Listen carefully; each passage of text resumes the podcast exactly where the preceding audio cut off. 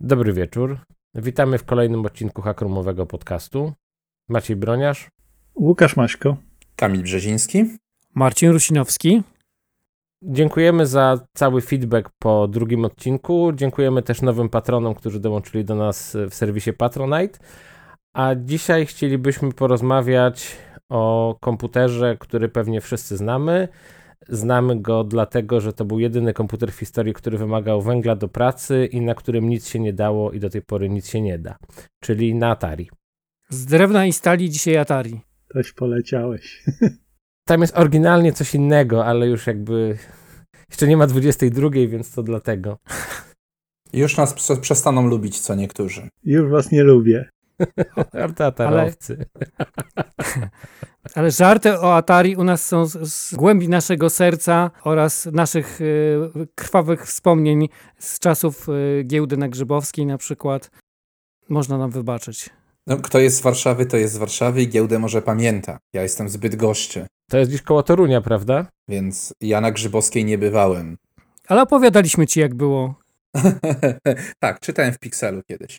Na Atari zawsze nie było. To, to jakby taki skrót giełdy na Grzybowskiej. Yy, no, no, na Atari było mało, tak? To jest ten problem. Yy, mało rzeczy, które widzieliśmy w bajku. I to są te nasze żale takie z przeszłości. No Hans Kloss był na Atari z kolei. Był. Misja też była. Miecze Waldgira. Fred był. Fred był, tak, tak. Robbo. Do dzisiaj jest Robbo. Robbo jest chyba najważniejszą grą na Atari. Nawet książka była o Robbo. Słynna solucja Robbo. Słuchajcie, dobrze, no na poważnie. Yy, ja miałem Atari, tak? Dorastałem na Atari, na 800 XL z magnetofonem. Najpierw bez turbo, najpierw bez magnetofonu, później z turbo. Nigdy nie miałem stacji dysków yy, w latach yy, tych powiedzmy 80-90. Natomiast jak u was? Mieliście Atari? Maciek nie miał. Maciek miał MSX-a, to już wiemy z poprzednich odcinków, więc miał jeszcze gorszy Atari niż ja miałem Atari, bo to już w ogóle nic nie było na MSX-a wtedy. Nie, mnie rodzice kochali, więc nie miałem Atari. Łukasz, ty miałeś Atari? Tak, ja jestem atarowcem od początku. 65 z magnetofonem. Tak, wyszedł z Peweksu do mnie do domu e, i przez kilka lat to było moje całe, mój cały świat komputerowy. Za dobre, za dobre zdanie do liceum dostałem stację dyskietek LDW. No i wtedy też byłem atarowcem pełną gębą. Czyli nauka opłaca się, prawda? Dostaje się stację dysków do Atari. Jakbym to dzisiaj synowi powiedział, to by mnie chyba zabił. że ma się uczyć, żeby dostać stację do Atari. ja się wychowałem na komodorku, więc nie wypowiem się o, o, o stacjach do Atari. Wiesz, Marcin, w tym momencie stacja do Atari, jeżeli popatrzy się na ceny, to nie jest wcale taki zły prezent, chciałem zauważyć. To prawda, można sprzedać i kupić Switcha na przykład, tak? Nintendo, bo to podobne wartości się robią w pewnym momencie, szczególnie, szczególnie te nowe stacje, e, które są robione. No dobrze, e, ale jakbyśmy mieli sobie teraz kupić jakiś e, komputer Atari 8-bitowy, e, to o czym powinniśmy pamiętać, e, jakie modele były i co się z nimi jakby wiąże, bo było tych modeli sporo, jak e, mówią złośliwcy, w tym ja. E, jest to w zasadzie jeden komputer Atari z bardzo małymi zmianami. E, natomiast no, czymś one się jednak różnią, tak? Kupienie Atari 400 i kupienie Atari, dajmy na to XEGS, to są dwa światy zupełnie, tak? Różniące się o 8 lat de facto. Ja myślę, że ważne jest żeby odpowiedzieć sobie na pytanie, po co chcemy kupić Atari.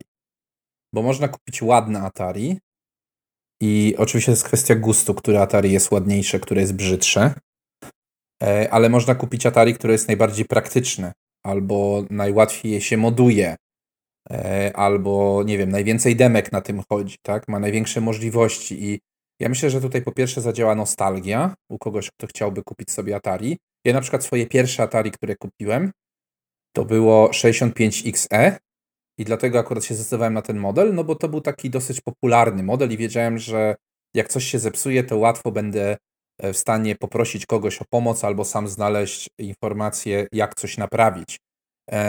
Potem sobie kupiłem 130.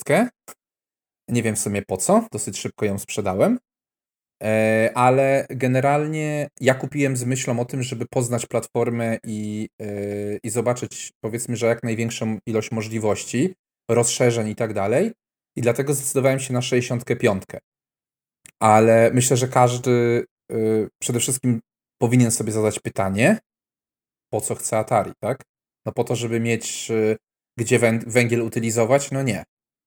No jak to nie? No też, ale no, jakby są dwa kierunki. Po pierwsze, Atari kupujemy do używania albo postawienie na półce, tak jak powiedziałeś.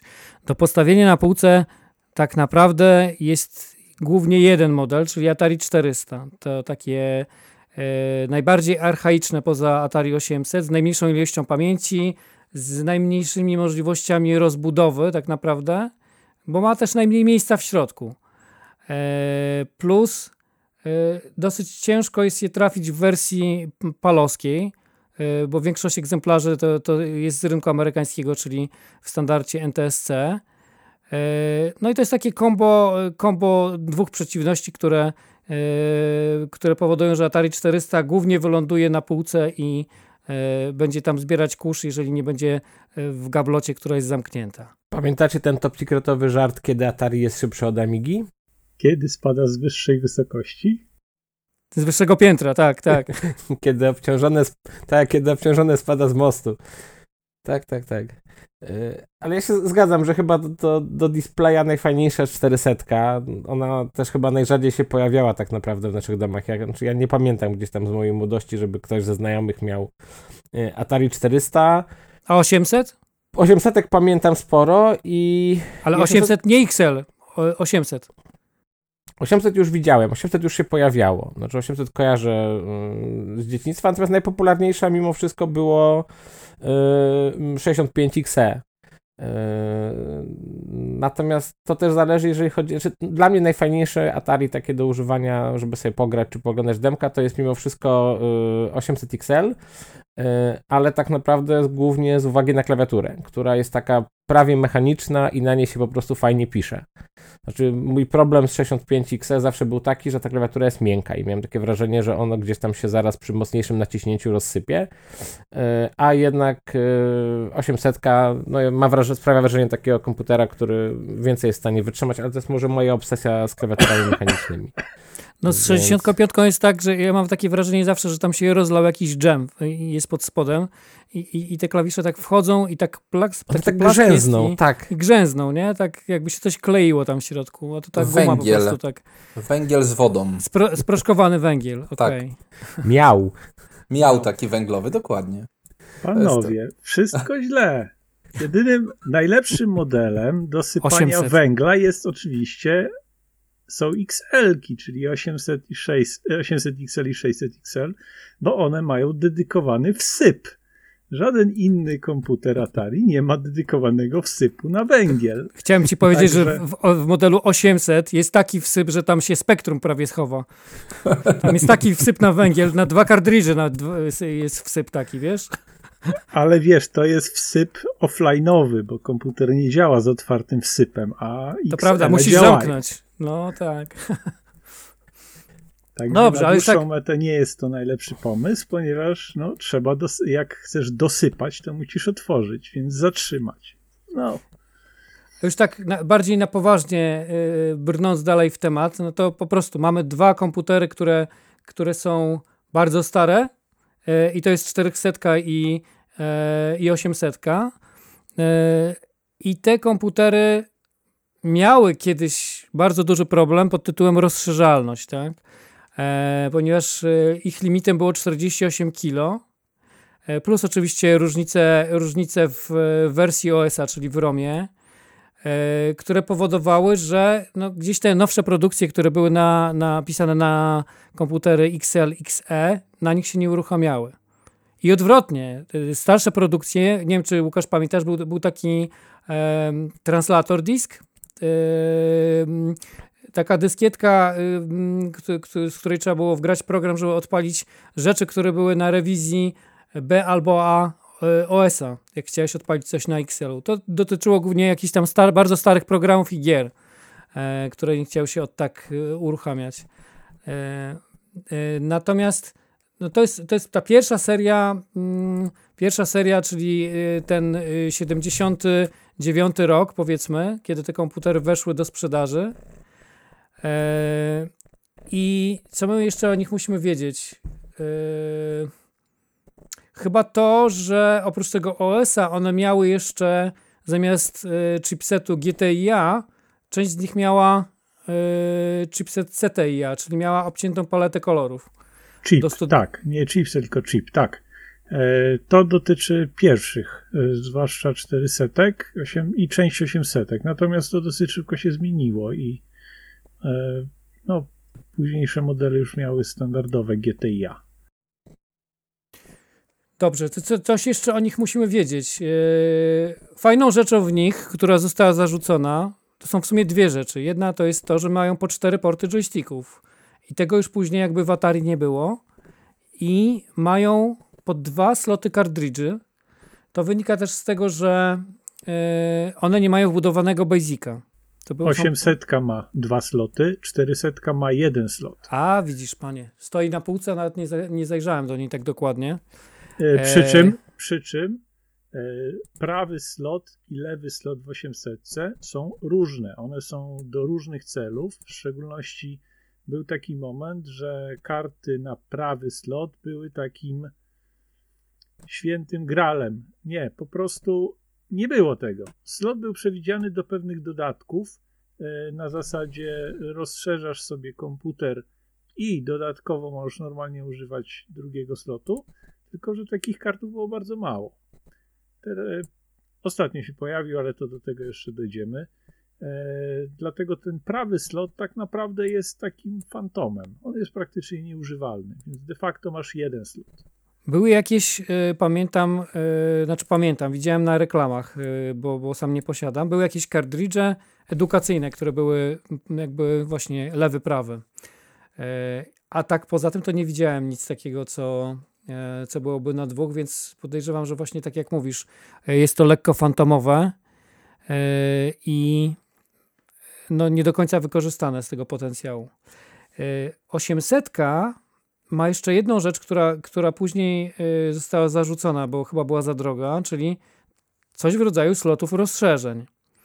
E, rozszerzenia pamięci i zmiana na przykład płytki z ROMem jest możliwa. To są sloty takie na zasadzie slotów ISA. Chyba tak naj, najprościej to e, opisać. E, Wsadzamy i wyjmujemy karty. Dla mnie jest to rozwiązanie dosyć podobne do tego, które było w Apple'u drugim. Z tym, że tutaj no jakby w Apple'u drugim jest troszeczkę więcej jakby możliwości, ponieważ więcej rzeczy było oferowanych w tych slotach jakby do, do montażu. E, natomiast tutaj do, do Atari to głównie, głównie z tego, co, co patrzyłem, to są tylko pamięci w zasadzie, tak? Jest chyba jeden kartridż z ROMem, y, o ile dobrze pamiętam. tak, pierwszy jest, no, no musi być 10-kilowy, ROM, tak, bo tam jest tak, ROM podpinany, natomiast Tak, e, reszta to są sloty wykorzystywane do, do rozszerzenia RAMu, tak? Tak. Tak, 800, e, żebym nie skłamał, ale 800 fabrycznie na początku nie miała wcale 6, 48 KB, tylko ona była sprzedawana z 16. I sloty pozwalały rozszerzyć tą pamięć. Jak się popatrzy na e, dokumentację, czy nawet na sam kartridż od tyłu, tam kartridż pamięciowy, to tam jest opisane, w jakich konfiguracjach kartridże można wkładać do komputera. I Atari robiło zarówno kartridże 16 kg, jak i 8 kg. I można było te kartridże ze sobą no, w pewien sposób mieszać. Nie, niedowolny e, według schematu, e, ale można było rozszerzać komputer w miarę swobodnie do tych 48 kg. To była oczywiście kwestia finansowa. Pamięć droga e, pozwal, e, była, więc Atari pozwoliło na dobór tego elementu, żeby obniżyć cenę komputera. E, Slotów jest cztery. Jeden jest dedykowany na ROM, który zajmuje 10 kg i trzy sloty na co najwyżej trzy karty po 16 kg, co daje te 48 KB. Tak, tak to wyglądało. Takim chyba najdziwniejszym mm, dodatkiem, jaki ja widziałem do Atari właśnie do, do 800 był modem ten oryginalny Atari 835. E, pamiętam, że jakoś gdzieś pod koniec lat 90. u jednego klienta migrowałem Atari do FreeBSD. Gość miał to Atari z modemem do pobierania feedów z giełdy, z jakiegoś BBS-u. No i ponieważ jakby BBS powiedział, że już y, wystarczy i się wygaszają, no to musi przejść na komunikację IP i właśnie pan sobie odpalał wtedy y, router z FreeBSD, żeby na komputery w biurze móc te dane z giełdy pobierać. I byłem generalnie w strasznym szoku, że ten komputer działa tam, z tego co goś opowiadał, ponad 20 lat i tak naprawdę działał bez problemu. Słuchajcie, ja, ja tak patrzyłem jeszcze teraz przed chwilą jak koszmarnie drogie było Atari wtedy, bo 800 na starcie kosztowała 1000 dolarów. 1000 e, dolarów. E, jak MacBook teraz. W 79 roku, tak, bo to odpowiada 3,5 tysiącom dolarów rok temu, tak?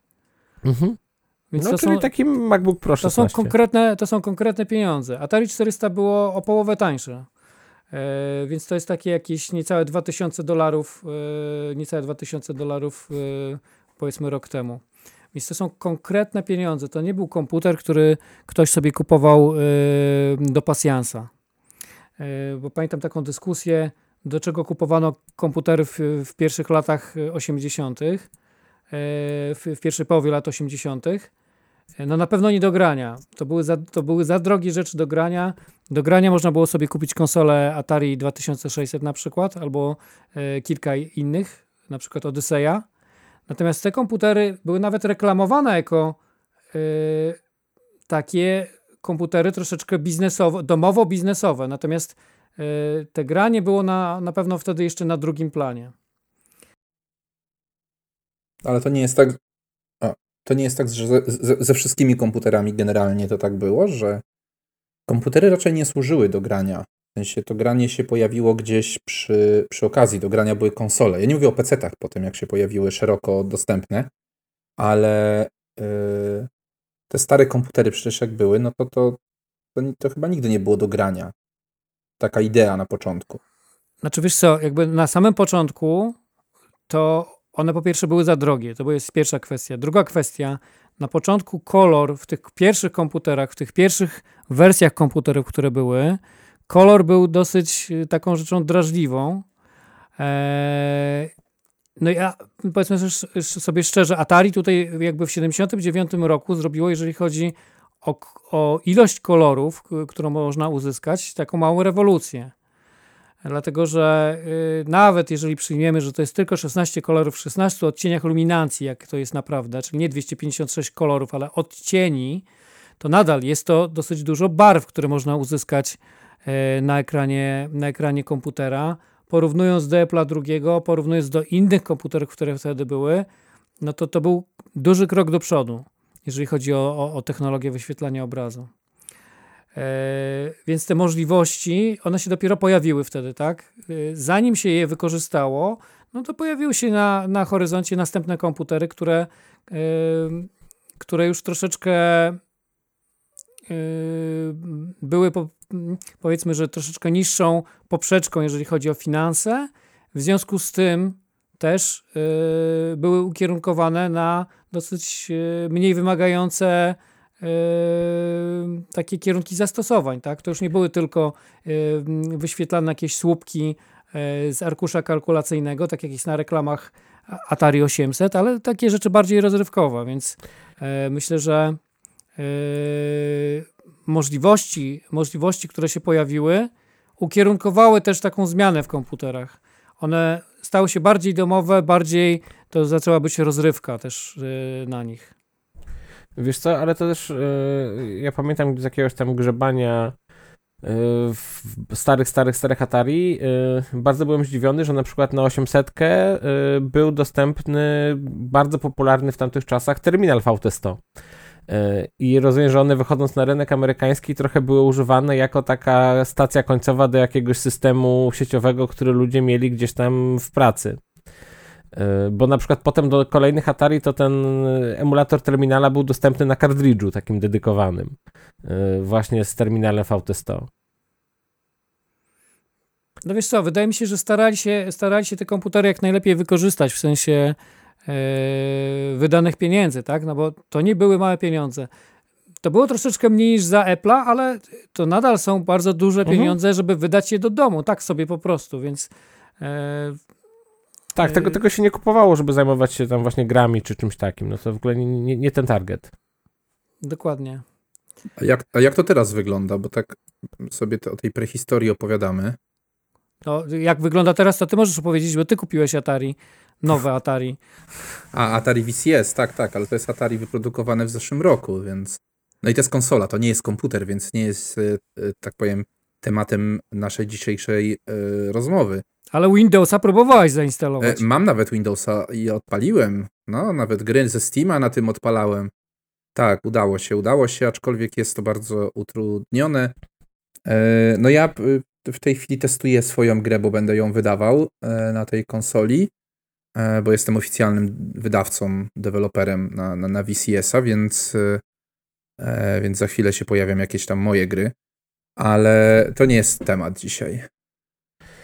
Ja chciałem bardziej zapytać właśnie, y, mm, bo, bo ostatnio mieliśmy fajny temat, jak y, albo skąd właściwie kupić y, komputery, tylko to były takie ogólne. A, a dzisiaj mamy temat Atari. Znaczy, No ja dwa razy Atari kupiłem, jest- ja dwa razy od ciebie, Kamil, kupiłem Atari. Ale nie to Je- samo, nie? Je, wiesz co, jedno było to, co ci najpierw sprzedałem, y, a, a Tak. drugie nie. To jedno to było 65XE, o którym mówiłeś na początku, a y, mamy takie jedno przechodnie Atari 800 XL i one było trochę u mnie, później było u ciebie, teraz znowu jest u mnie. E, Także- Tak, zgadza się, zgadza się. Ta 800 jest przechodnia, a 65 to, nie pamiętam, to tobie sprzedałem 65? Tak, tak, tak, tak, tak. Tą tak, ze tak. stereo, bo ona jest taka bogata. Ona Nie, ma, to, to ona ja Nie, ją to- mam. no to, To, Łukasz to ja ma. mam. Tak, Tam także co ma 1 Kamil mega jest, pamięci i, i stereo modu jeszcze. Tak, To także ta- Kamil jest naszym lokalnym dealerem Atari, chciałem Tak, zauważyć. tak. Nie wiem, nie wiem, czy on ma ten certyfikat na sprzedaż węgla, ale mi sprzedał z 3 lata temu 65XE. Ale Ja taki chciałem nie ma... zau- Chciałem zauważyć, że dla odmiany Kamil ma ode mnie E. STE. Tak, zgadza się. I to takie na wypasie. To są jakieś wymiany, wymiany już poza górnictwem, wydaje Takie mi się. plemienne. wręcz. Plemienne, tak. E, Ale Za- wszyscy dobrze jest- na tym wychodzimy. Z Atari jest ciekawie generalnie, jak się chce je kupić gdzieś tam na Allegro, bo o ile same komputery są cały czas dostępne, to w takich nawet rozsądnych cenach, typu tam 300-400 zł za sprawny komputer w dobrym stanie z zasilaczem, to wszelkie rozszerzenia zaczynają kosztować jakąś koszmarną kasę. To znaczy, stacja dyskietek, na przykład, jak się pojawi, to mm, bez żadnego problemu ona kosztuje 700-800 zł i, i schodzi dosyć szybko.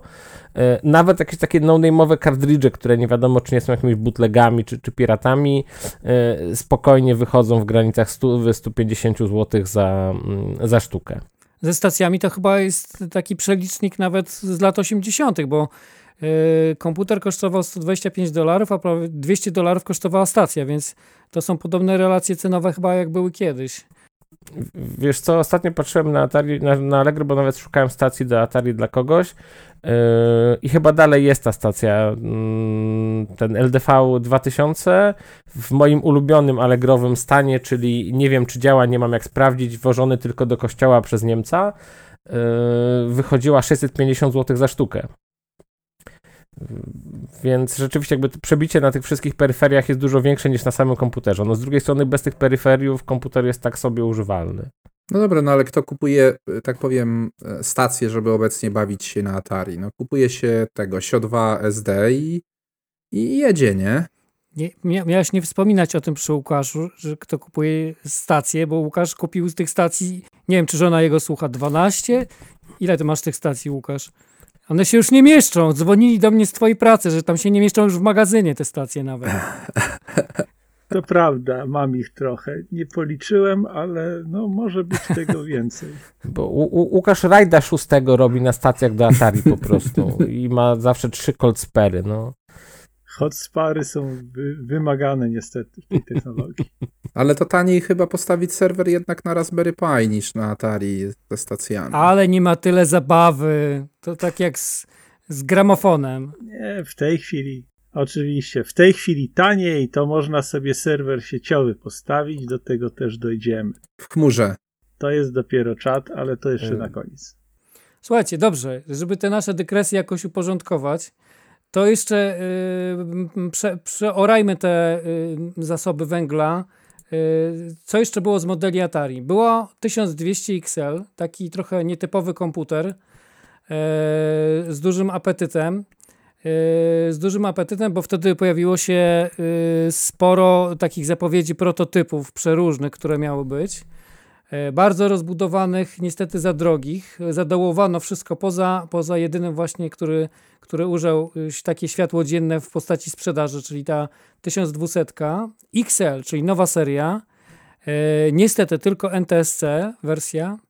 E, Wygląda jak lotniskowiec, takie mam skojarzenie, szczególnie jak się położy y, 600 XL obok. Jest wielki. To, to widać dopiero. Jest y, wielki, tak. jest wielki, budzi szacunek.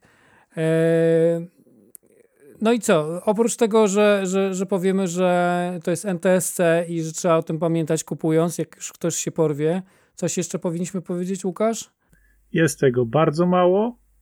E, praktycznie wyłącznie ze Stanów można sobie sprowadzić. Jeszcze tam można kupić. U nas to podejrzewam, że ci, którzy mają to, to pilnują jak oka w głowie. E, I e, paradoksalnie nie jest to chyba najlepszy wybór, zwłaszcza na początek, ponieważ e, ten komputer nie jest w pełni kompatybilny z, ani z poprzednimi, ani z kolejnymi. Y, To są oczywiście drobiazgi, ale zawsze można coś znaleźć, co nie pójdzie, bo to był taki model pośredni. To, co się potem pokazało, czyli 800 i 600, to w zasadzie były wersje budżetowe 1200. No tak jak Marcin powiedział, miały być wersje rozbudowane 1450, wersja z bu- budowanymi stacjami dysków. E, miały być jakieś tam egzemplarze testowe, istnieją podobno. Jakieś zdjęcia są w sieci, można zobaczyć, natomiast to się nigdy faktycznie nie ukazało. Mówię o tych e, wyższych jeszcze. E, no a w, ostatecznie 1200 wy, e, przerodziła się w, naj, w jeden z popularniejszych modeli, czyli 800 XL i jego mniejszego brata 600. 600 XL. Tak, 600 XL, tak. Czyli seria XL zaczyna się pojawiać. To jest też taki trochę nieszczęśliwy No tak, komputer, bo z, z tego co patrzyłem, to on miał jakieś różne rewizje ROMów. y, W niektórych były jakieś błędy, które były poprawiane później. E, więc jeszcze można trafić na, na że tak powiem, wersję pod tytułem kasztan, y, czyli coś nam nie działa i nie będziemy wiedzieli, co tak dokładnie nie działa, jeżeli się nie, tak dokładnie nie wczytamy. E, czyli świetny komputer do kolekcji na półkę. E, szykujmy, e, że tak powiem, szerokim gestem portfel z, z szerzącymi pieniędzmi, e, ponieważ będzie hasło rare, czyli bardzo rzadkie, zapłaci nam dużo. Dobrze. e, Przeszliśmy do XL-ki, czyli mamy, mamy tą wersję budżetową mniejszą, tak jakby ktoś wziął piłę i obsiął 800, czyli mamy tą wersję 600 XL. I tutaj dochodzimy do jej sedna. To jest przeuroczy komputer wi- wielkościowo, natomiast ma mało miejsca w środku. E, W dosyć łatwy sposób można mu zrobić moda z tych 16 kg, które on e, fabrycznie posiada, na 64, czyli zrobić z niego taką 800, jeżeli chodzi o e, ilość pamięci. Trzeba pamiętać tylko, że on ma starszą rewizję na pewno ROMu. E, zwykle, przynajmniej e, wszystkie, które ja widziałem, miały, miały tą starszą rewizję ROMu. Co nie jest problem, to jest kwestia wymiany jednego je- jednej kości 16 kg, co załatwia sprawę.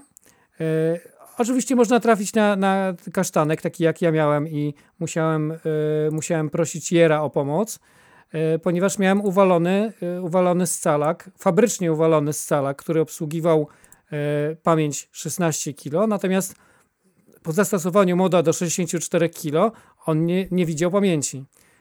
był Atari wtedy, tak jak większość producentów, miało taką tendencję do robienia oszczędności i ono objawiało się e, taką wersją, jak później zrobił Intel z Celeronem. Tak? Jeżeli coś nie było dobre na Pentium, e, a łapało się w widełki pod tytułem Celeron, no to zostawało Celeronem. I tutaj podejrzewam, że część niespełniających jakichś tam norm albo uszkodzonych scalaków szło do okrojonej wersji Zresztą to robił Sinclair. Wydaje mi się, że dużo producentów ma te, ma te grzechy e, oszczędności. E, no dobrze.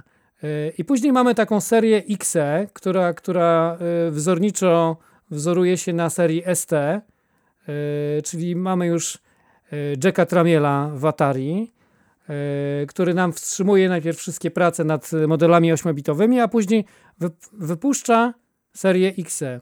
Łukasz, i co, co w tych XE siedzi innego niż w, w, w naszych ukochanych, pięknych, klasycznych XL-ach?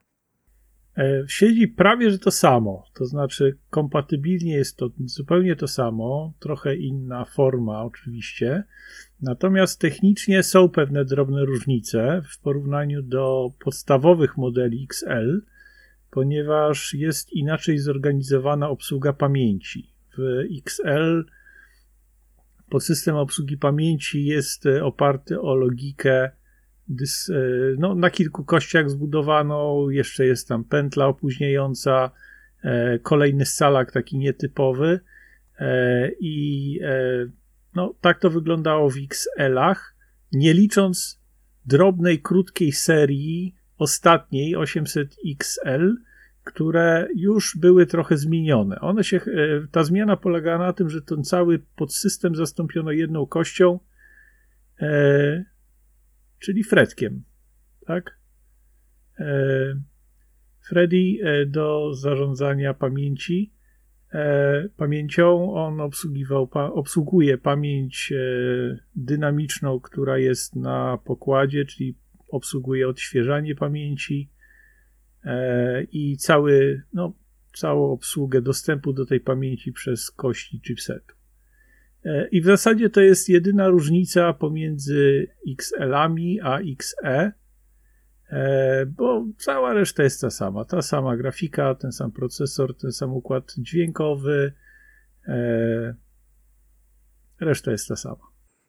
Czyli, czyli jak na zachodzie bez zmian, ale jest jedna rzecz, która, o której y, warto pamiętać, szukając sobie na przykład Atari 65XE, e, ponieważ jak spojrzymy na tył Atari e, XE, to tam jest y, port kartridża. On nie jest już na górze, to już nie jest ten syp do węgla, tylko jest on z tyłu ukryty. I ten slot kartridża czasem ma takie małe rozszerzenie, które się nazywa ECI, czyli ma wyprowadzoną część sygnałów e, w stosunku do kartridża dodatkowych, pozwalającą podłączyć na przykład szybki interfejs y, typu IDE, tak, dla dysków.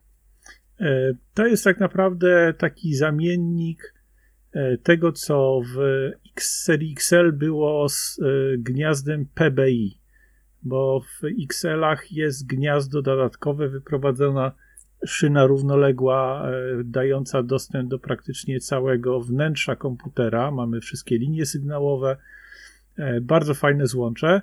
W XE to zostało zagregowane, to znaczy mamy część sygnałów na kartridżu, e, zresztą takim samym jak w starszych seriach, ale dodatkowe elementy właśnie są na tym ECI. I tutaj ja chciałbym zauważyć, że to jest trochę bardziej skomplikowane, bo to się nie sprowadza wyłącznie do obecności lub nieobecności tego ECI. Historycznie rzecz biorąc, jeśli się nie mylę, to wersja bez ECI to była wersja na Stany Zjednoczone, dlatego że tam sprzedawano wersję 130XE z ECI i 65XE bez ECI. E, w Europie nie było takiej wersji oryginalnie. U nas się ona pojawiła, bo do nas komputery sprowadzał Lucian Wenzel, który miał układy z Tramielem i on tak naprawdę kupował amerykańskie komputery, tylko przerobione na PAL, żeby u nas to działało i dlatego u nas się pojawiły te wersje e, bez ECI. I to jest tak naprawdę najgorsza płyta ze wszystkich możliwych, bo to jest najstarsza wersja płyty do 65. E, nie chodzi tylko o brak ECI. Ona jest również, e, tak jak znawcy twierdzą, nie najlepiej zaprojektowana. W szczególności chodzi o rozkład ścieżek na niej. Jest to no, nie najlepiej zrobione. Ta płyta jest podatna na pewne problemy elektroniczne. Nie znaczy, że się psuje. Po prostu pewne rzeczy mogą nie chodzić najlepiej na niej. E, no ale u nas tego było najwięcej, bo to Pewex to sprzedawał. Sam taki miałem.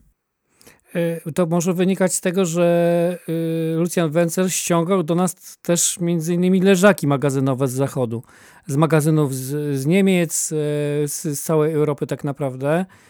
I taka jest też geneza chyba Atari 800 XE, tak przynajmniej tak słyszałem, że w ogóle skąd ta numeracja, bo była było 130XE i 65XE, które dosyć logicznie można uzasadnić. Jedno miało więcej RAMu, drugie miało dwa razy mniej RAMu. Chociaż tutaj jakby te wartości 130 i 128 mm, e, jakoś nie do końca się zbiegły, to nagle pojawia nam się 800. Co się okazuje? Ludzie byli przyzwyczajeni do dużych numerów, e, dobrze kojarzyli Atari 800 XL, i ponoć dlatego zadecydowano o tym, że y, model, który jest tak naprawdę taką sklejką e, części e, i, i chyba najgorszym modelem z serii X, który się pojawił, jeżeli chodzi o jakość, e, użyto celowo na, tego numeru 800, żeby skojarzyć to z, ze sprawdzoną i taką posiadającą jakąś renomę konstrukcją z, z poprzedniej serii. Legenda głosi, że 65 się pojawiło właśnie jako 65, ponieważ e, no zauważmy, to był czas, kiedy już dawno był Commodore 64, e, odnosił sukcesy i podobno Jack Tramiel chciał pokazać, że Atari jest lepsze, więc o jeden jest więcej niż 64 e, w Commodore i dlatego 65. 130 E, no, automatycznie jako posiadająca dwa razy większą pamięć, 65 razy 2 to będzie 130. E, więc stąd ta numeracja. No dobrze, ale z tą 800XE rzeczywiście są takie problemy e, jakościowe, jeżeli chodzi o konstrukcję? 800XE jest na bardzo dobrej płycie jako takiej, bo to jest płyta tak naprawdę pochodząca ze 130, czyli mamy miejsce na ewentualne rozszerzenie pamięci w bardzo prosty sposób.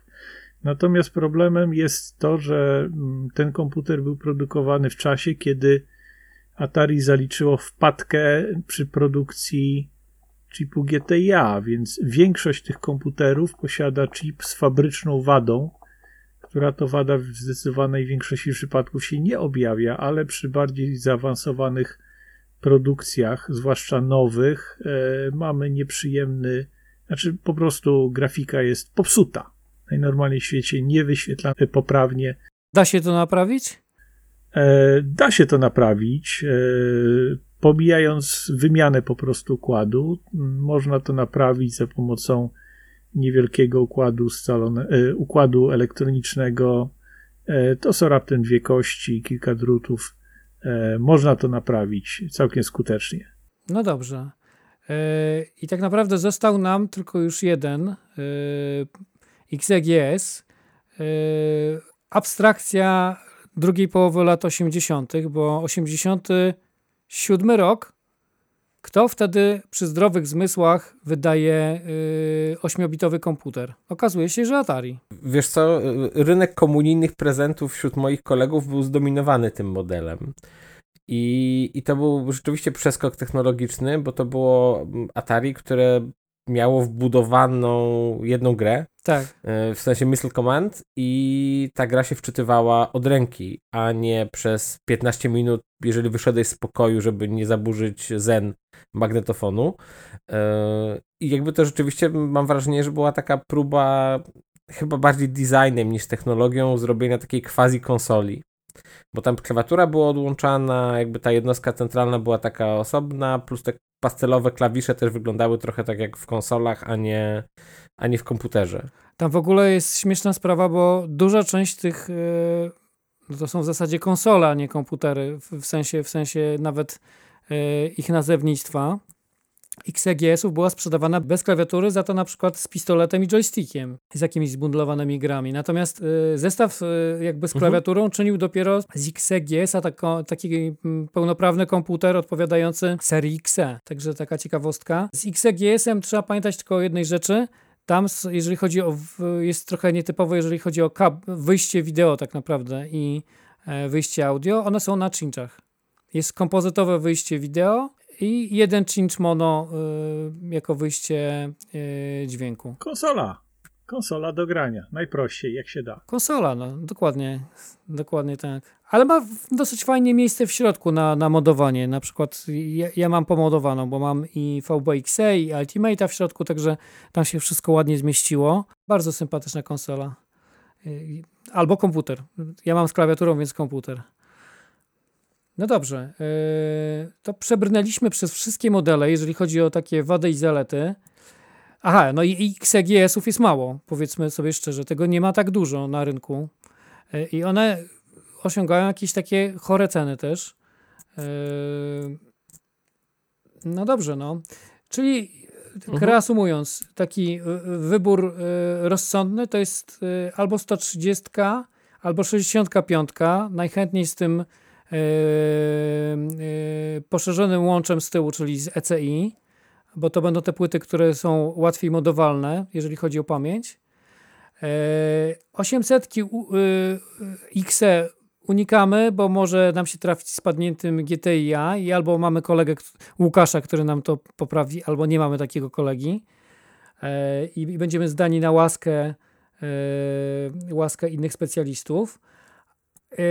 Mamy komputer na półkę albo dla prawdziwego pasjonata, czyli 1200 XL. E, mamy komputer dla kustosza, czyli 400, bez żadnego oznaczenia dalszego. Mamy potwora bestię, czyli 800, która za sprawą rozszerzeń e, nabiera wigoru, ale o tym powiemy później. E, jedyny komputer Atari, który był w zamierzeniach rozszerzalny wewnątrz z łączami, i bez wstydu ja go stawiam obok y, Apple'a drugiego. No i co? I mamy te takie najładniejsze dla mnie, czyli serię 600-800 y, XL. E, jak mamy na nie pieniądze, to to są to takie najbardziej klasyczne Atari dla mnie, e, jeszcze nie popsute przez Tramiela i jego marketing, takie w ładnych zestawieniach kolorystycznych jeszcze nawet, takie srebrne klawisze na bogato, taki mają swój sznyt. Prawie, że chromy. Prawie, że chromy. No tak, to, to, to, cienka warstwa, bo to jednak Warner był, ale, yy, ale naprawdę bardzo fajne komputerki. Yy, no dobrze, yy, teraz tak. na co powinniśmy uważać kupując? Po części powiedzieliśmy. Te komputery cierpią na wszelkie grzechy brudów, które, które gdzieś tam się dostały, wilgoci, która wchodzi wchodzi i zaczyna coś rdzewieć. E, grzechy klawiatury, tak? Jak to wygląda, Łukasz, z e, foliami, które są w środku, z membranami?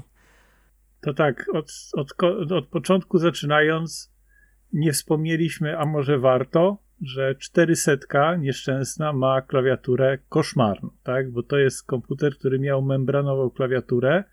Trochę jak w e, ZX-ie, tak. No, tylko wcześniej, tak? Tak, tak. E, ale to pominijmy, bo jak ustaliliśmy, to jest komputer na półkę do gabloty i na tym nikt pisał nie będzie. A również e, nie rozpatrujemy opcji z upgrade'em, bo w, e, w zamierzchłych czasach w Stanach można było kupić sobie klawiaturę na podmianę, podmienić klawisze po prostu i była zwykła klawiatura. Ta klawiatura w tej chwili kosztuje więcej niż ta 400, bo ona jest tak rzadka. To tak możemy dodać. Zgadza się. 800 e, mają bardzo fajną klawiaturę, bardzo dobrą klawiaturę, natomiast problemem mogą być wyższy, mo, może być po prostu brak klawiszy jako takich. Jeżeli ktoś ma, e, komuś się trafi e, komputer bez kilku klawiszy, to może być problem z dobraniem tych klawiszy, bo one są dosyć mocno niestandardowe. E, mi się udało, bo mój komputer nie miał klawiszy dwóch. Udało mi się, e, no troszkę to kosztowało, bo ze Stanów, ale dało się uzupełnić. E, I ta klawiatura jest całkiem fajna. Tutaj też nie ma jakichś większych problemów. Nie psuje się raczej. Natomiast jeśli mówimy o już kolejnej serii, czyli XL-ach, no to tutaj e, problemy są różnorakie. Jeżeli komuś się przytrafi przypadkiem, że ma 1200 i mu klawiatura padnie, no to to są bardzo duże pieniądze, żeby to po prostu sprowadzić membranę ze Stanów, bo innej opcji nie ma. U nas tego się nie kupi w żaden sposób. Wiem, że ostatnio na przykład na forum była był na ten temat temat, bo właśnie ktoś potrzebował naprawić i wyszło na, tym, na to, że to po prostu trzeba sprowadzić ze Stanów. Tam można jeszcze kupić. Ale wiesz co, jest coś chyba generalnie w 1200 z klawiaturą, bo większość ogłoszeń, na które trafiam przez ostatnie lata, ma komentarz, że klawiatura nie działa albo w całości, albo na przykład niektóre klawisze. E, to jest, to może być związane z tym, ja osobiście może inaczej powiem, nie widziałem klawiatury y, od środka 1200, ale wydaje mi się, że wiem w czym rzecz. E, I to jest związane z 800 również, bo w 800 klawiatur jest 3 czy 4 rodzaje. Jest bardzo duży urodzaj tych klawiatur, poczynając od klawiatur takich w pełni mechanicznych, to znaczy tam mamy styki, blaszki, wciskamy klawisz, blaszki się stykają. Jest to bardzo fajna klawiatura. E, taką jedną posiadam. E, ona jest e, bardzo trwała, z jednym wyjątkiem. Jeżeli klawisze przestaną działać, to to się naprawia całkiem prosto pod warunkiem, że się umie lutować. Dlatego, że trzeba wylutować cały, cały klawisz, i dopiero wtedy go można wyczyścić. Nie da się tego wyczyścić z wierzchu. Natomiast po, poza tym ta klawiatura jest bardzo trwała, bo tam naprawdę się nie ma co popsuć. Nie i już. E, są dalej klawiatury oparte o, e, o membrany, o nadruk. E, na szczęście w większości jest to na PCB, czyli mamy płytkę drukowaną, na której są naniesione ścieżki. I tu się pojawia kłopot taki, że w zależności od wersji mamy różny sposób stykania styków na płytce. I najgorsza klawiatura, którą niestety też posiadam w jednej wersji, e, jest zbudowana w oparciu o gumki, ale takie gumki przewodzące, nie takie jak w pilotach mamy, bo mm, takie gumki do pilotów można łatwo kupić, tylko to są takie gumki długie, jeżeli ktoś rozbierał, to może skojarzyć, bo podobne gumki e, są w niektórych klawiaturach Amigi, podobny mechanizm jest w niektórych klawiaturach CPC, w Amstradach, Schneiderach e, i ten element ma ten problem, że ta gumka powinna być przewodząca prąd, tylko że ona się z biegiem czasu utlenia i przestaje przewodzić. E, opór po prostu takiej górki, gumki bardzo mocno rośnie i ja mam na przykład właśnie taką klawiaturę, w której wszystkie gumki są tak zestarzałe, że one, żaden klawisz nie działa. One teoretycznie wszystko jest cacy, ja to wyczyściłem, wymyłem. Nie, nie da rady, nie działa. Podejrzewam, że to może być ten sam kłopot z 1200, o którym e, Maćku wspomniałeś. E, no bo po prostu z tym się nie da za bardzo co zrobić. Tak, tych gumek się nie wymieni, przynajmniej ja nie mam pomysłu. E, na krótką metę działa podobno malowanie ołówkiem takim, żeby on przewodził prąd, bo to wtedy podobno pomaga. Natomiast nie wydaje mi się, żeby to było dobre na dłuższą metę. Czyli grafit. Tak, grafit. Czyli węgiel też. No, oczywiście, węgiel, Atari na węglu żyje, także nie da rady inaczej, tak? Natomiast tu akurat to na dłuższą metę się nie sprawdza. A jakieś blaszki, żeby przykleić? Yy, no to Ucięte? podejrzewam, żeby się dało, tylko że kto będzie kleił yy, kilkadziesiąt blaszek. Ktoś, kto ma taką klawiaturę? No i nie ma innego wyjścia, to się zgadza. To chyba, że tylko wtedy. No ale na Atari nie masz co grać, no to możesz sobie kleić. No. E, O, ale jak nie masz co grać, to możesz napisać, a wtedy potrzebna jest ci dobra klawiatura. E, to to jest generalnie XL, tak? E, potem mamy XE i tu niestety jest o tyle gorzej, że po prostu klawiatury do XE są kiepskie. To już było powiedziane, gumowe, dosłownie są dwa modele podstawowe, jedne oparte o sprężynki i te są jeszcze w miarę, jeśli chodzi o, jeśli chodzi o no, działanie. Mamy po prostu sprężynki. Natomiast drugi typ jest po prostu zrobiony na gumkach, bardzo źle się na tym pracuje. E, natomiast tutaj na szczęście mamy o tyle dobrze, że są membrany do obydwu, bo są różne typy membran w tych klawiaturach. Do obydwu typów można bez problemu kupić nowe membrany.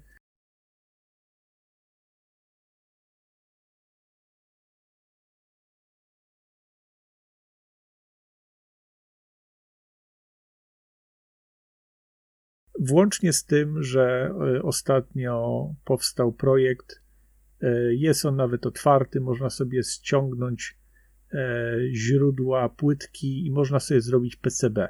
Po prostu zamiast membrany do klawiatury jednowarstwowej, bo właśnie są dwa typy, jedna wymaga membrany jednowarstwowej i zamiast tej membrany można założyć PCB E, w tym momencie to się staje praktycznie niezniszczalne, bo to jest taka dobra klawiatura w tym sensie, że e,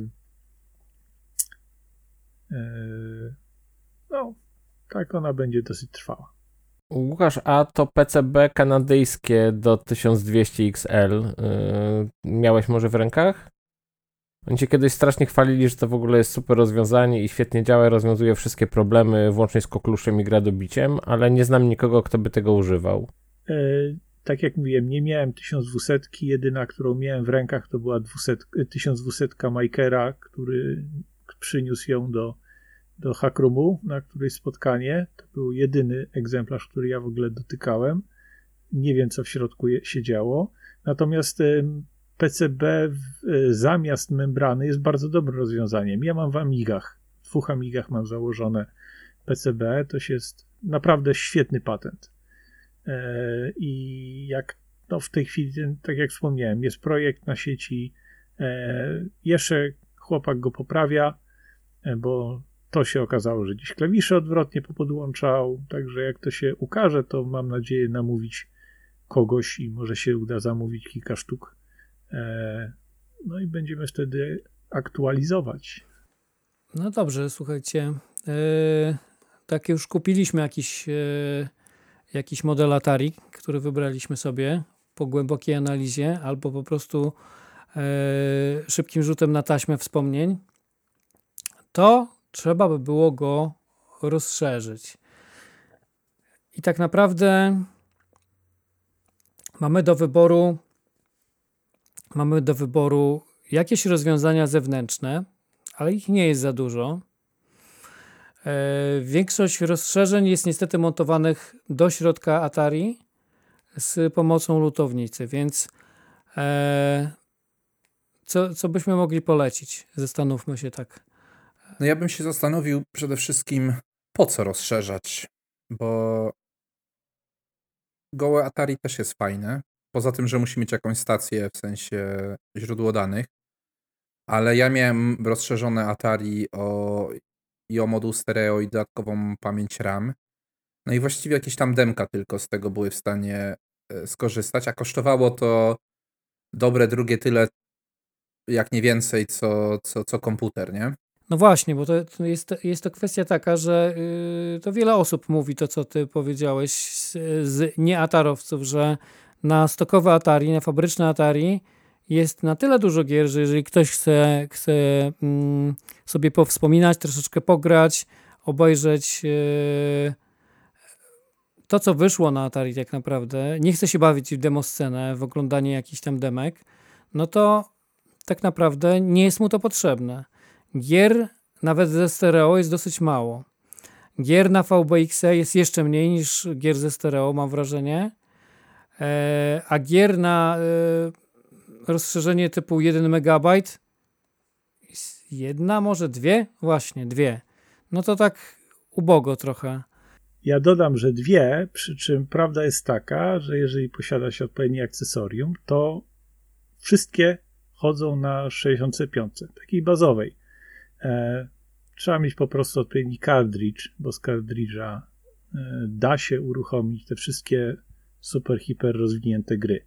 Tak naprawdę pamięć dodatkowa jest potrzebna do demosceny, bo demka mają swoje wymagania, aczkolwiek, no nie oszukujmy się, 320 KB to jest e, w zasadzie e, praktycznie cała demoscena, bo na więcej to jest chyba tylko jedno demo, na pół mega. No właśnie, dlatego o, o tym, o, o, tym mówimy. Jak Marcin zaczął mówić, jakie dodatki, to ja trzeba postawić sobie pytanie, ale po co kupować dodatki, nie? W sensie, tak naprawdę jakiś cartridge typu, nie wiem, jakie tam są, site, e, którym możemy ładować sobie, sobie gry, czy, czy, czy SIO2 SD, e, tego typu rozszerzenia, wydaje mi się, że dla większości powinny e, wystarczyć, nie?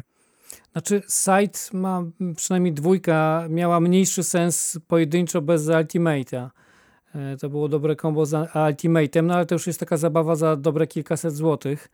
E, ja powiem wam, że nie żałuję jakby jednej rzeczy zainstalowanej jakby w, e, w moich Atari, pomimo tego, że mało z tego korzystam jako takiego czegoś dodatkowego, a raczej chodzi o, o, o polepszenie jakości obrazu, czyli u mnie VBXE służy za takie po prostu RGB, tak? E, nie, tych produkcji na VBX jest tam no, bardzo mało, więc powiedzmy sobie szczerze, no, jakbym powiedział, że e, kupiłem VBX i zainstalowałem, żeby oglądać produkcję na, na, na Atari, no to tak trochę miałoby się to z rzeczywistością. Natomiast faktycznie bardzo polepsza obraz z Atari, Aczkolwiek powiem wam, że na przykład e, S-Video, które mam, e, no co prawda to nie jest takie stokowe Atari, czyli 1088 XEL, ale S-Video z tego komputera prawie, że dorównuje temu, temu e, obrazowi z VBX, jeżeli chodzi o jakość obrazu, ostrość, kontrast i tak dalej. Więc może są takie możliwości zmodowania Atari do obrazu Super Video, który będzie na tyle dobry, że to będzie dużo mniejszy koszt niż ładowanie się w VBX, tak?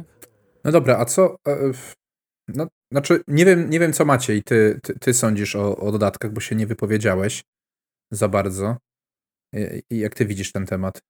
Wiesz co, ja jestem niereferencyjny, bo ja jestem strasznym gadżeciarzem, więc jak można to ułożyć, to dokładamy. Moja 800 ma, ma Ultimate'a, i Masaida i tak naprawdę wszystko do tej pory, co chciałem sobie podpalać, jakieś tam demka, czy jakieś gry, czy jakieś dziwne wynalazki, które są obecnie na Atari robione, jakby cały czas działają, nie ma z tym żadnego problemu.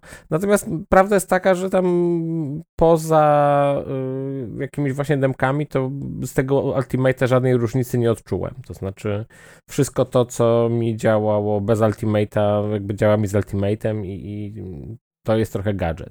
Natomiast rzeczywiście jakby site jest, jest fajnym wynalazkiem i on się przydaje, bo po prostu rozwiązuje ci problem wrzucania danych, a też nie oszukujmy się, dyskietki 5.25 zaczynają dogorywać współcześnie i znalezienie działających też wcale nie jest takie łatwe.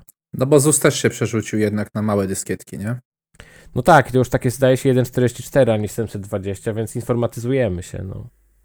Dobra, ale tak jakby załóżmy, że jednak chcemy to do środka coś wepchnąć, E, to tak, grafika, Marcin już mówił, VBXE to jest jedna rzecz.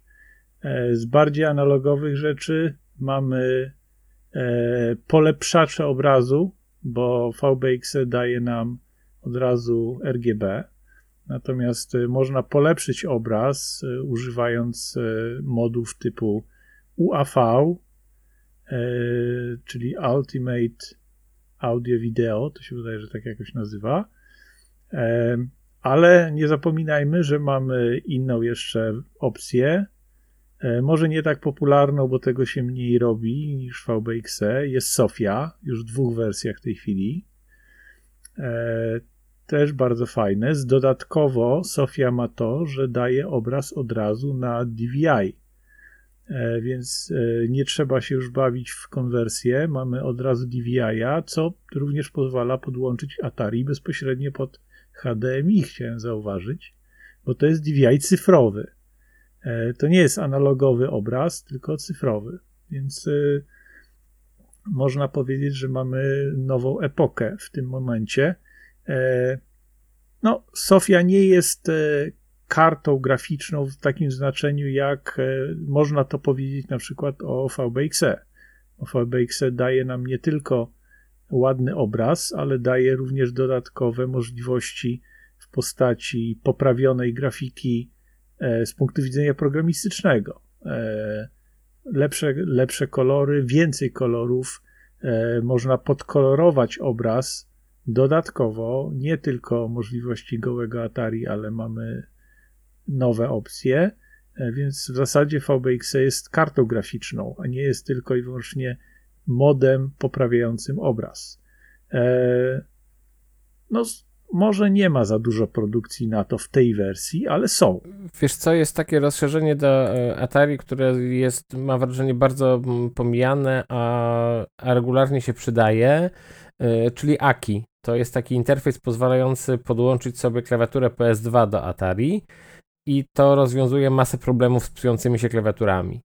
Więc y, ja oczywiście rozumiem, że to jest nieortodoksyjne podejście, y, ale, ale jak mamy Atari, gdzie nam się klawiatura regularnie sypie, to może zamiast szukać na eBayu podmiany za jakieś dzikie pieniądze, można sobie kupić Aki, które kosztuje zdaje się jakieś 70 zł w tym momencie i, y, i możemy po prostu podłączyć sobie normalną zewnętrzną klawiaturę. To jest bardzo dobre rozwiązanie na przykład do XEGS-a, jeżeli ktoś ma wersję, e, ktoś ma egzemplarz i nie ma do niego klawiatury. Jak Marcin mówił, były w pewnym momencie sprzedawane same konsole bez klawiatur, e, więc można liczyć e, się z tym, że tych klawiatur jest po prostu mniej i są trudniej dostępne. W związku z czym, jeżeli ktoś nie ma klawiatury, a ma samą konsolę, to AKI rzeczywiście jest bardzo dobrym rozwiązaniem. A mam takie pytanie trochę off-topicowe. Y, jest ten interfejs, znaczy interfejs, rozszerzenie, które nazywa się Rapidus. Ktoś w ogóle używał tego? Bo jak patrzę z jednej strony, to, to w specyfikacji wygląda fajnie, no bo tam masz 20 MHz procesor, y, masz jakieś 30 MB storage'u, tylko się zastanawiam po co. Znaczy, jakby co mi to da? No to taki super CPU z, z Commodora, tak? Maciej, Maciej, ty się nie zastanawiaj, kup. Kup, zamontuj, będzie ci służyć. Jesteś gadżeciarz, no, sam powiedziałeś. Będziesz mógł od, y, emulować ZX Spectrum. I tam będą gry na ZX Spectrum. Dochodzimy do sedna. Będą te gry, których nie było. Nie wiem, czy pamiętacie, ale na jeden z meetingów spektrumowych ja przyniosłem mojego moje, moje Atari z Rapidusem właśnie i chodził jako Spektrum. E, nie wiem, czy ktoś zwrócił uwagę, ale tak. A, zwrócili wszyscy, tak, zwrócili. Dla hecy, zwrócili, dla tak. hecy zrobiłem. E, znaczy, no, generalnie Rapidus jest oczywiście gadżetem już takim skrajnym, e, bo no, w zasadzie ciężko powiedzieć, po co on jest. E, właśnie można sobie spektrum zemulować. Tak, bo można. Można sobie zemulować spektrum, przy czym ta emulacja jest pełna dopiero jak się ma e, dopiero jak się ma mm, do tego VBXE oraz stereo, bo żeby było śmieszniej, nie wystarczy jeden pokój, trzeba mieć stereo, dopiero wtedy dźwięk jest poprawnie generowany.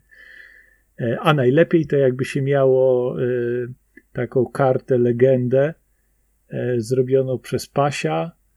Jak to się nazywało? No, oczywiście zapomniałem nazwy. Nie melody? Proszę? Nie melody, jakoś nie, nie, to jest taka karta, która jest w kilku egzemplarzach chyba. E, Woj ją posiada.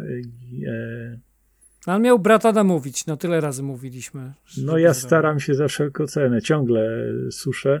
E, I chyba to się skończy tym, że ta karta nie powstanie w większej liczbie egzemplarzy, natomiast trafi w postaci e, emulacji do e, do nowych, do zastępników Pokeya. To jest właśnie kolejny element, którym, o którym można wspomnieć, bo stereo e, Wspomniałem, że stereo jest do, do tego emulatora ZX Spectrum potrzebne, ale to może za chwilę wrócimy. Jeszcze skończę o Rapidusie.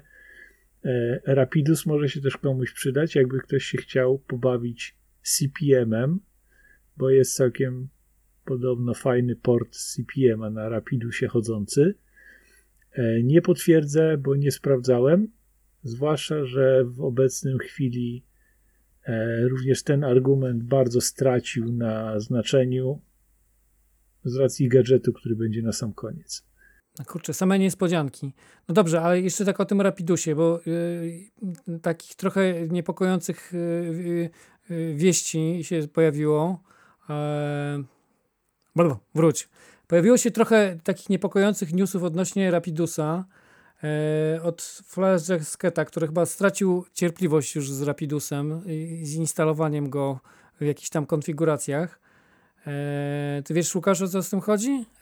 Tak, to jest standardowe, standardowe dyskusje polegające na tym, że jedna osoba wmawia drugiej, że coś jest źle zrobione i vice versa. To akurat e, chodzi głównie o to, że Fledgesket się uparł, że będzie instalował tego Rapidusa w serii XL, podczas gdy Rapidus nie był przewidziany do XL-a, bo przy tych prędkościach, przy tych e, no, przy tej architekturze niezwykle ważne są timingi i drobne rozjazdy w opóźnieniach sygnałów robią różnicę i prawdopodobnie po prostu z XL-em to nie chce grać. Więc rzeczywiście tu jest jedna rzecz. Z jakiegoś dziwnego powodu dystrybutor, czyli Lotarek sprzedaje te, tego Rapidusa do XL-a, w tym sensie, że jest nawet specjalny e, riser który pozwala lepiej tego Rapidusa zainstalować w Excelu, ale no niestety to jak są jakieś kłopoty, to nie do końca dobrze działa. Jeśli chodzi o instalację w XE, to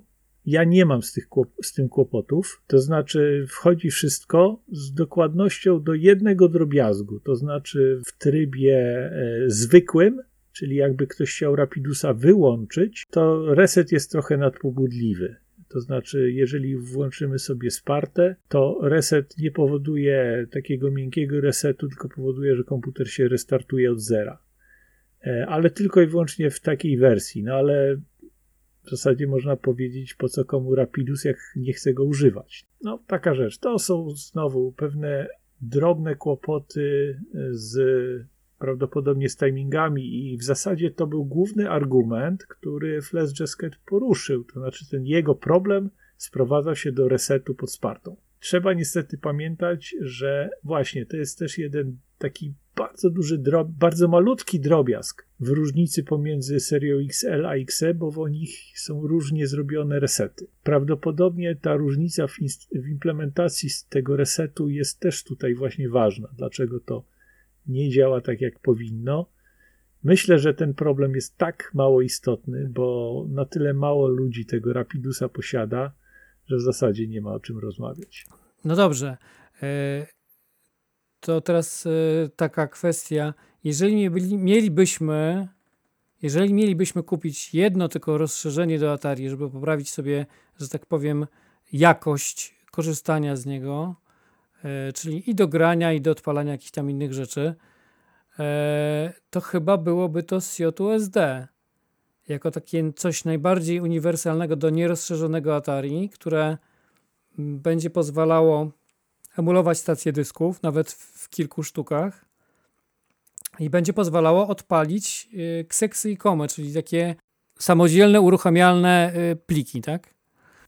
No, tak było do ubiegłego roku. Do ubiegłego roku SJUSD było najbardziej uniwersalnym urządzeniem. W międzyczasie się pojawił jeszcze S-Drive, który był podobny, mający pewne zalety w porównaniu nawet, można powiedzieć, do SJUSD. Natomiast w ubiegłym roku pojawił się FujiNet. I FujiNet spowodował, że w zasadzie tam to wszystko można schować do szuflady, ponieważ FujiNet nie dość, że emuluje stację dyskietek do 8, E, nie dość, że pozwala obecnie wgrywać e, obrazy kaset, bo można po prostu sobie wsiorbać e, obraz kasety i wczytać, tak jak z magnetofonu, to jeszcze daje dostęp do sieci i właśnie to, co Kamilu wspominałeś, teraz to już Atari też może z sieci ściągać dane, bo nie ma najmniejszego problemu. Można sobie postawić na domowym komputerku serwerek z plikami i do tego serwerka się podpiąć i ładować po prostu rzeczy bezpośrednio z sieci.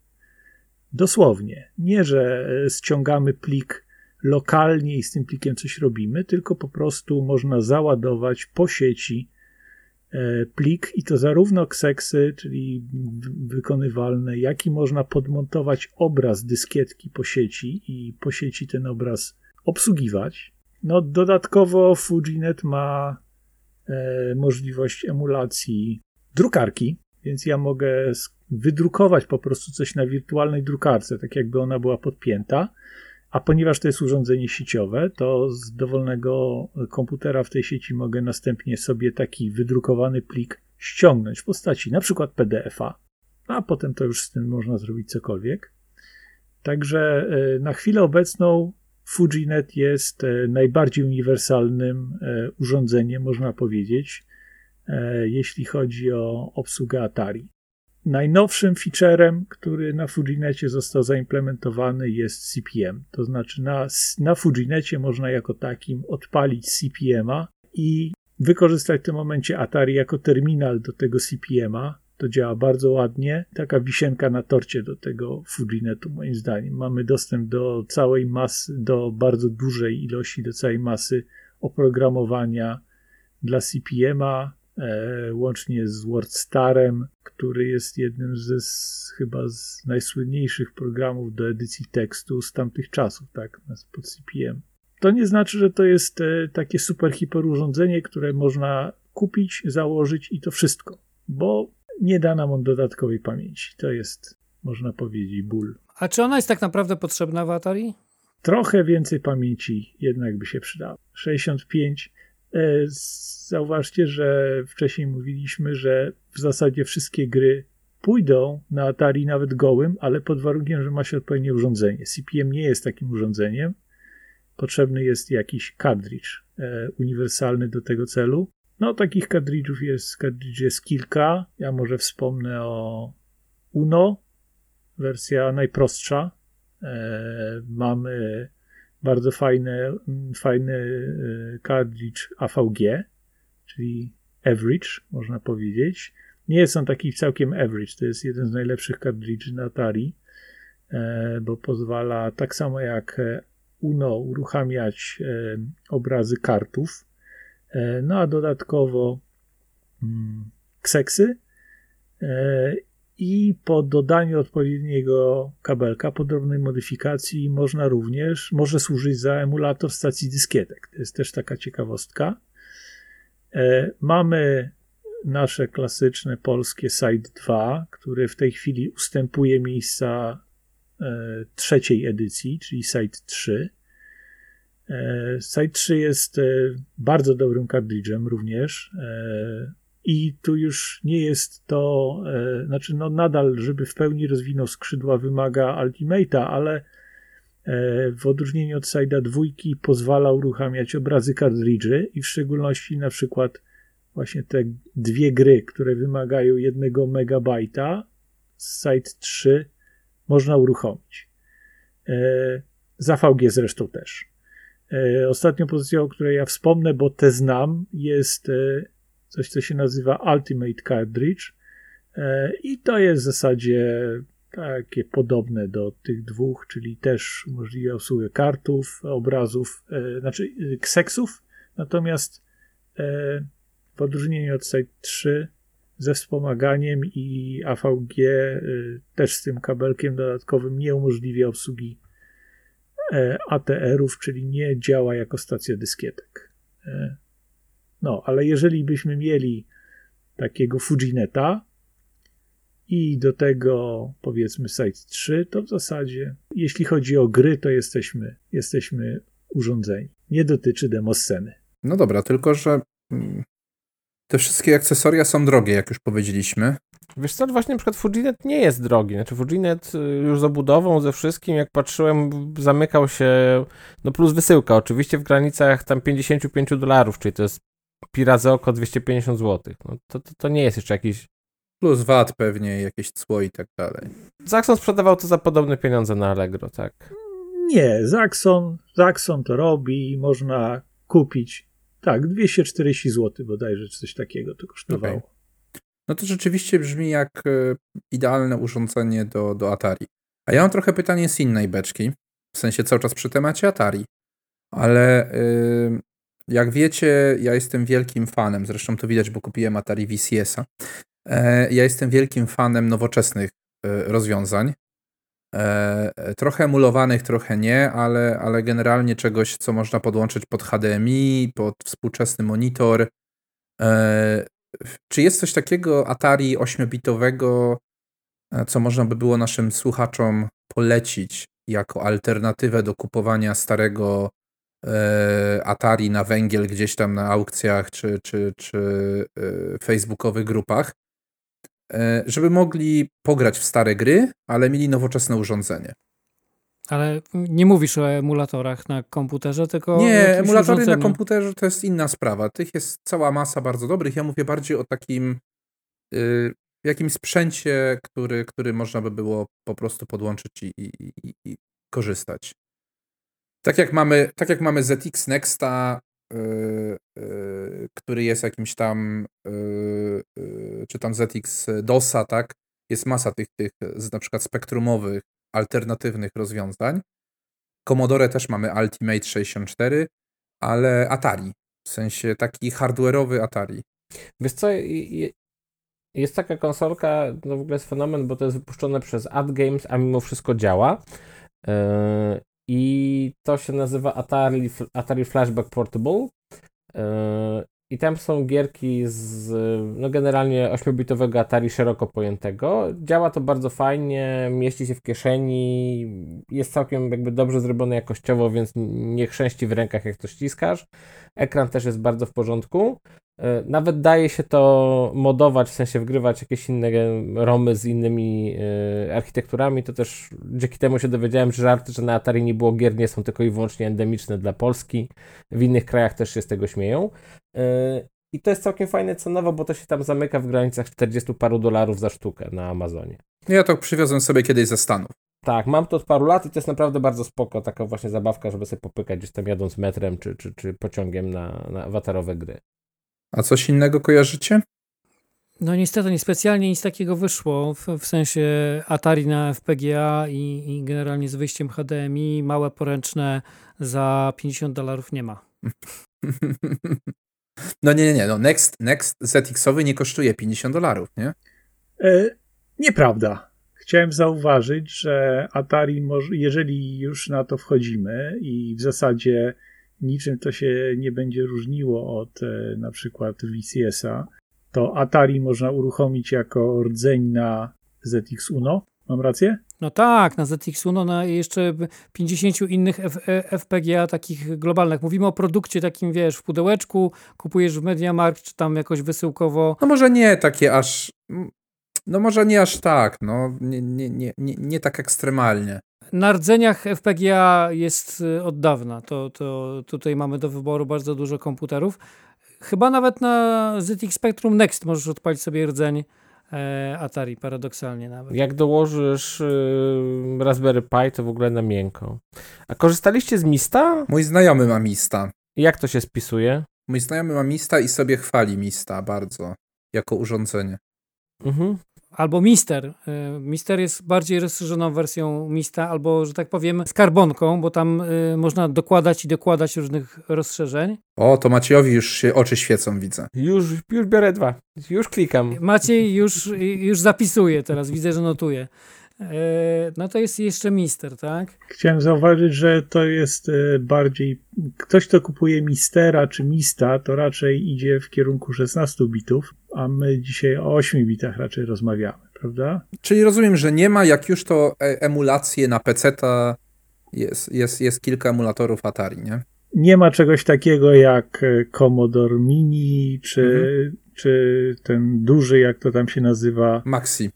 O właśnie, nie ma nic takiego, nie wyszło. Ja podejrzewam, że to jest związane ściśle z polityką obecnego właściciela znaku handlowego, czyli dążyli w celu dążyli do tego, żeby wydać tego VCS-a, teraz wydali.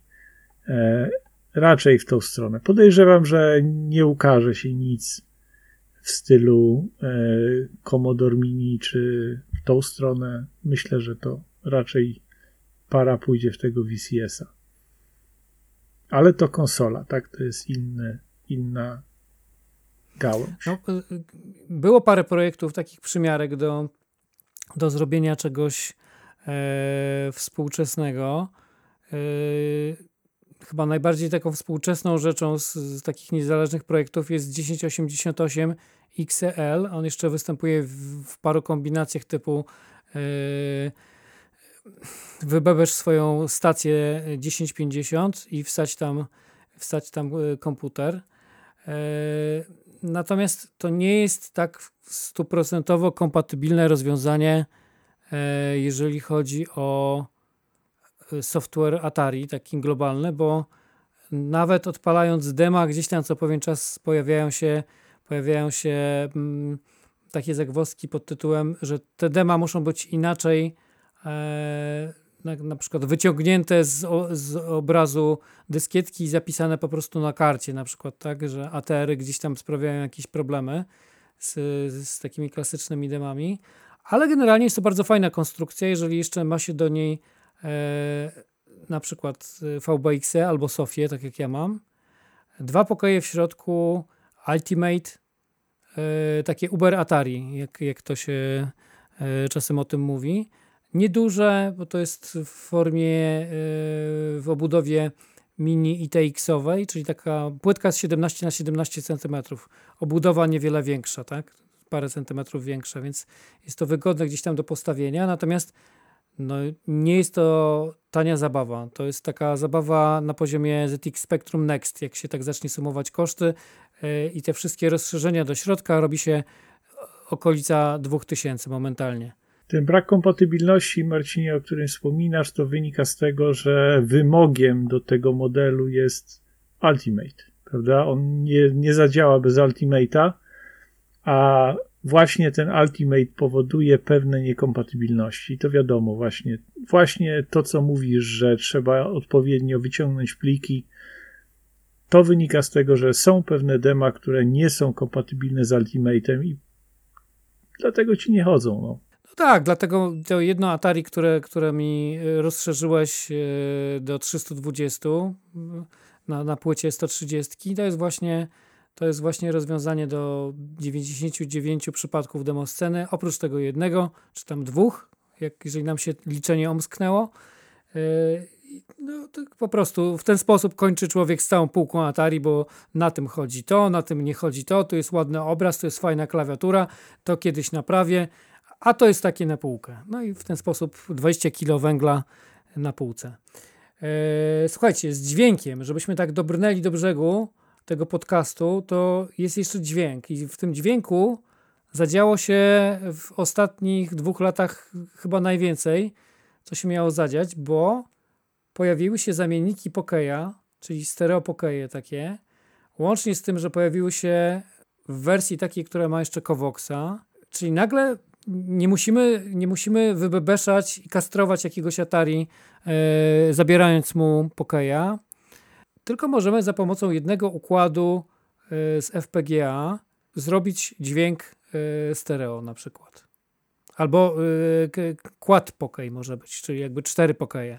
Nie wiem, czy w ogóle są jakieś muzyczki takie wykorzystujące coś takiego. Łukasz się krzywi, czyli nie ma. No to tylko tak podpowiem, że na Commodore 64 są nawet na 8 seedów utwory. E, podejrzewam, że znajdzie się coś na te cztery pokeje. E, powiem więcej. E, te rozwiązania bieżące, najnowsze, one są oparte o emulację tego jednego, dwóch, czterech pokejów, czy jeszcze innych rzeczy. Pozwalają naprawdę na dużo, bo to jest nie tylko kwestia pokeja, nie tylko kwestia Kovoxa, to jest również kwestia tego, że w, mm, w najnowszych wersjach firmware'ów, e, tudzież w jeszcze nie, formalnie niewydanym e, zamienniku, e, który będzie Lotarek sprzedawał, Atari zagra SIDem. Dosłownie, bo skoro wiecie, skoro są na Commodora zamienniki SIDA emulowane, to czemu Atari miałoby nie emulować SIDA? I Atari emuluje SIDA, można bardzo ładnie sobie zagrać E, no, moduły z Commodora, nie ma problemu. E, znaczy o tyle, że to jeszcze nie jest w pełni dostępne, aczkolwiek e, to już jest kwestia tego roku. Myślę, że znaczy z tego co wiadomo, w tym roku się to pojawi i to w dwóch, w dwóch odsłonach, bo lotarek to jest jedna rzecz, ale przecież Electronics zapowiada swoją wersję kolejną Maxa, którego w tej chwili można bez problemu kupić. I on też ma emulować SIDA. E, także się dzieje. Tu się dzieje dużo. No dobrze, ale takie y, główne zastosowanie poza, poza wybe- niewybebeszaniem i niekastrowaniem jakiegoś Atari z Pokeja to jest to, że w komputerach, w których jest mało miejsca na zainstalowanie płytki z y, stereo Pokejem, e, na przykład w 800 jest mało miejsca, w Atari 800, to tam taki, taki układ, y, który nam udaje dwa czy tam cztery pokoje w obudowie, tak jakby odpowiadającej jednemu pokojowi, jest rozwiązaniem, no po prostu to się zmieści. No, mam zamiar zmieścić. Ja też mam zamiar zmieścić, leży w szufladzie. To tak jak To już jest połowa, połowa drogi. To jest połowa drogi od producenta do szuflady. Teraz jeszcze y, należy otworzyć Atari 800. No i się zastanowić, jak wyprowadzić to wszystko na zewnątrz. Tak, to jest, to jest ten. Na czym pójdzie ten dźwięk? Na czym pójdzie ten dźwięk? E, no dobrze. E, jeżeli chodzi o inne peryferia, e, takie do Atari. O Jezu, zapomnieliśmy o najgorszej rzeczy. O przekleństwie ilości stacji dysków do Atari oraz o największych kajdanach, jakie, jakie byliśmy skłóci w latach 80., czyli magnetofonie do Atari. O przekleństwie atarowca każdego. Kto nie miał XC12, nie jest prawdziwym atarowcem. Kto nie musiał wczytywać drugi raz gry na Atari z kasety, nie jest atarowcem. Taka jest prawda e, czasu i ekranu komputera Atari. E, magnetofonów było kilka. E, ten oczywiście najgorszy trafił do nas w podwójnej ilości, czyli jako CA12 i jako XC12. E, tak jak kiedyś mówiłem, pomagał słownik polsko-angielski, angielsko-polski, mały słownik, który się kładło na, na klapkę magnetofonu. To jakoś tam troszeczkę zmieniało skos głowicy, dociskało, nie wiem, robiło tą magię wczytywania. Mniej błędów było. Ale słuchajcie, ze stacjami dysków co, co musimy powiedzieć? E, musimy powiedzieć, że pojawiły się nowe stacje dysków. E, zostały odkopane z, że tak powiem, spod Sfinksa e, przeróżne interfejsy, rozszerzenia tak naprawdę, kontrolery, nie wiem jak to określić, bo to jest kilka, kilka różnych rzeczy. Jest Karen, Karen Mini, jest, co zostało jeszcze Łukasz? Karin. No właśnie, tak mi, coś mi się z Egiptem kojarzyło. Karin, tak. Zupełnie kierowca, który mnie wiózł kiedyś w, słuchajcie, w Egipcie. No to, to przepraszam, w Warszawie. Taki, taki pan był, y, który miał takie właśnie dziwne imię i, i e, no, stację dysków tak musieli nazwać, tak, z interfejsem. E, słuchajcie, dobrze, jakie mamy, jakie mamy te turbo w tej chwili nowe jeszcze, Łukasz? Co, to, co jest takim największym krzykiem mody? W sensie mówisz o stacjach, tak? No o stacjach, tak, tak. Znaczy, no, najwięk- najlepszą stacją, jaka podobno wyszło, e, została zrobiona do Atari, to były oczywiście Tomsy, nasze polskie. E, no, w tej chwili można kupić replikę, bo oryginały są strasznie drogie. Oryginał Tomsa, ostatni jaki widziałem, poszedł za 1900 zł bodajże. Kupił go oczywiście As, to już tak powiedzmy legendarnie się wszyscy śmieją, że jak jest Toms na rynku, to As go kupi nieważne ile będzie kosztował. E, pozdrawiam. E, natomiast e, w tej chwili można kupić replikę.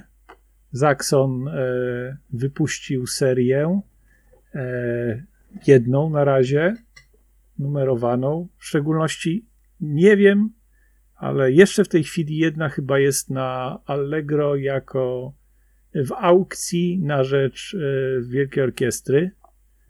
Podejrzewam, że w momencie, kiedy ten podcast się pokaże, to już tego nie będzie, już się skończy, ale jest. Jest i wiesz co? Jest za 1025 zł. To jeszcze nie tak dużo. To jeszcze pewnie pójdzie troszkę w górę. A jeszcze zostało 15 godzin. Aha, no to może jeszcze ktoś tam dołoży coś. E, Cel jest szczytny. E, To jest dobra cena za tą stację. Ile ona kosztuje normalnie? Znaczy, m- mówię ta replika u Piotra. E, Za 950 była sprzedawana bodajże. To można powiedzieć niedoszacowany produkt finansowo, skoro idzie za wyższą kwotę. No, można. Tego jest po prostu bardzo mało. No, to w temacie najlepsze stacje, tak? E, ciągle można kupić, e, zaczęliśmy od tego w pewnym sensie, ciągle można kupić stare stacje. Ceny są różne, e, raczej wysokie, tak? Przelicznik stary, czyli 200 dolarów, Mhm. jak było na początku. E, Trzymają cenę po prostu. tak, ceny trzymają, niestety, ale to myślę, że teraz to już raczej rzeczywiście dla koneserów. No dobrze, ale do takich stacji yy, prędzej czy później człowiek yy, myślał o turbo, prawda? I tych yy, turbiaczy do stacji było też jakieś zatrzęsienie, bo yy, po pierwsze były te turbiacze, które zdejmowały zabezpieczenia z dyskietek i e, to było takie przekleństwo połowy lat 80. dla producentów oprogramowania. E, czyli te wszystkie happy warpy i tak dalej, e, które pozwalały pomijać te y, zabezpieczenia. Po drugie, przyspieszały pracę stacji dysków, bo te e, standardowo to było 19200 prędkość, tak? W stacji. E, poz- pozwalało to 2,5 raza chyba przyspieszyć stację, co na mnie nie robi to w tym momencie takiego, takiego wrażenia, bo jak robiłem testy OTLI, czyli, czyli zapisu magnetofonowego, takiego cyfrowego ZX Spectrum, to nadal y, na spektrumie da się przetworzyć ten dźwięk szybciej, e, w sensie, w sensie danych. Natomiast fakt faktem, że te stacje y, dostają skrzydeł jakby z tym turbo, bo mam, e, mam California Access, y, w którym jeszcze nie mam turbo, ale ona troszeczkę jakby szybciej pracowała niż 1050 yy, w- z pewnymi dosami. Natomiast jak y, dostałem, yy, Jer mi zamontował turbo do 10 1050, no to ta stacja no, śmiga po prostu, tak? Yy, wczytując wczytując gry, jakieś tam programy. I jest to bardzo fajne. Mamy taką stację jak 810, czyli taki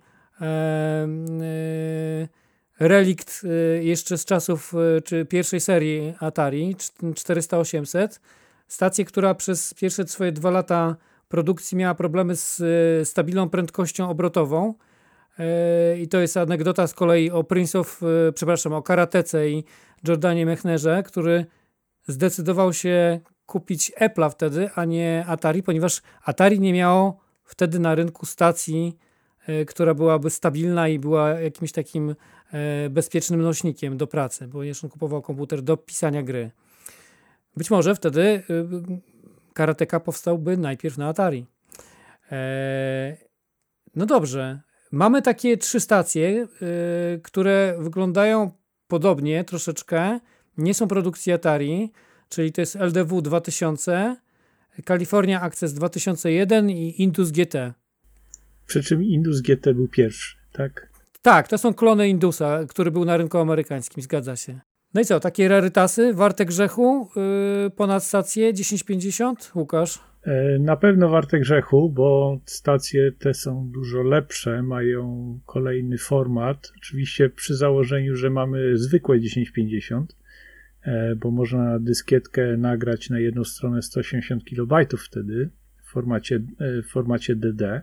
W zasadzie wszystkie turbiacze do 1050 ten format też dodają, więc to może nie jest tutaj akurat jakieś takie nie wiadomo co, ale w tamtych czasach na początku to było.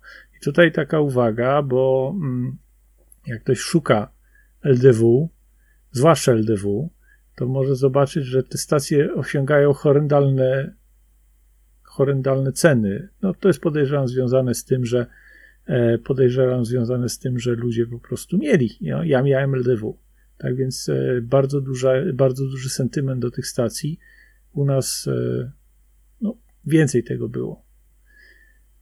No i generalnie też rzadsze stacje, bo jednak LDW to jest produkt no, na, na, na licencji, ale to jest polski produkt. California Access jako jego następnik, też polski. One były tylko u nas sprzedawane. W zasadzie na zachodzie tego nie znajdziecie. E, oczywiście na zachodzie były stacje tam produkowane. Są klony, e, tak naprawdę są klony Indusa produkowane w Stanach. Tam Rana, jakoś tak to się nazywało. E, także można znaleźć takie ale wiesz co, te, te klony Indusa mają abstrakcyjne ceny. Znaczy jak patrzyłem, to tak w granicach 400-500 dolarów. Sam Indus ma abstrakcyjne ceny, chciałem zauważyć. No. E, tak. Te stacje niefirmowe rzeczywiście są drogie. E, jest firmowa stacja, która jest bardzo rzadka u nas, mianowicie XF551. No ale to jest koniec, produ koniec e, produkcji w zasadzie E, do nas to nie doszło. Nietypowa stacja jak na Atari, bo jest dwustronna, jak na Atari z tamtych czasów i firmowe. Tak, bo to jest stacja dwustronna, więc nie trzeba było przekładać dyskietki. Mam od razu 360 KB na całą dyskietkę. E, włącznie z tym, że jak się odpowiednio, odpowiedni firmware użyje, to również potrafi czytać PC-owe dyskietki.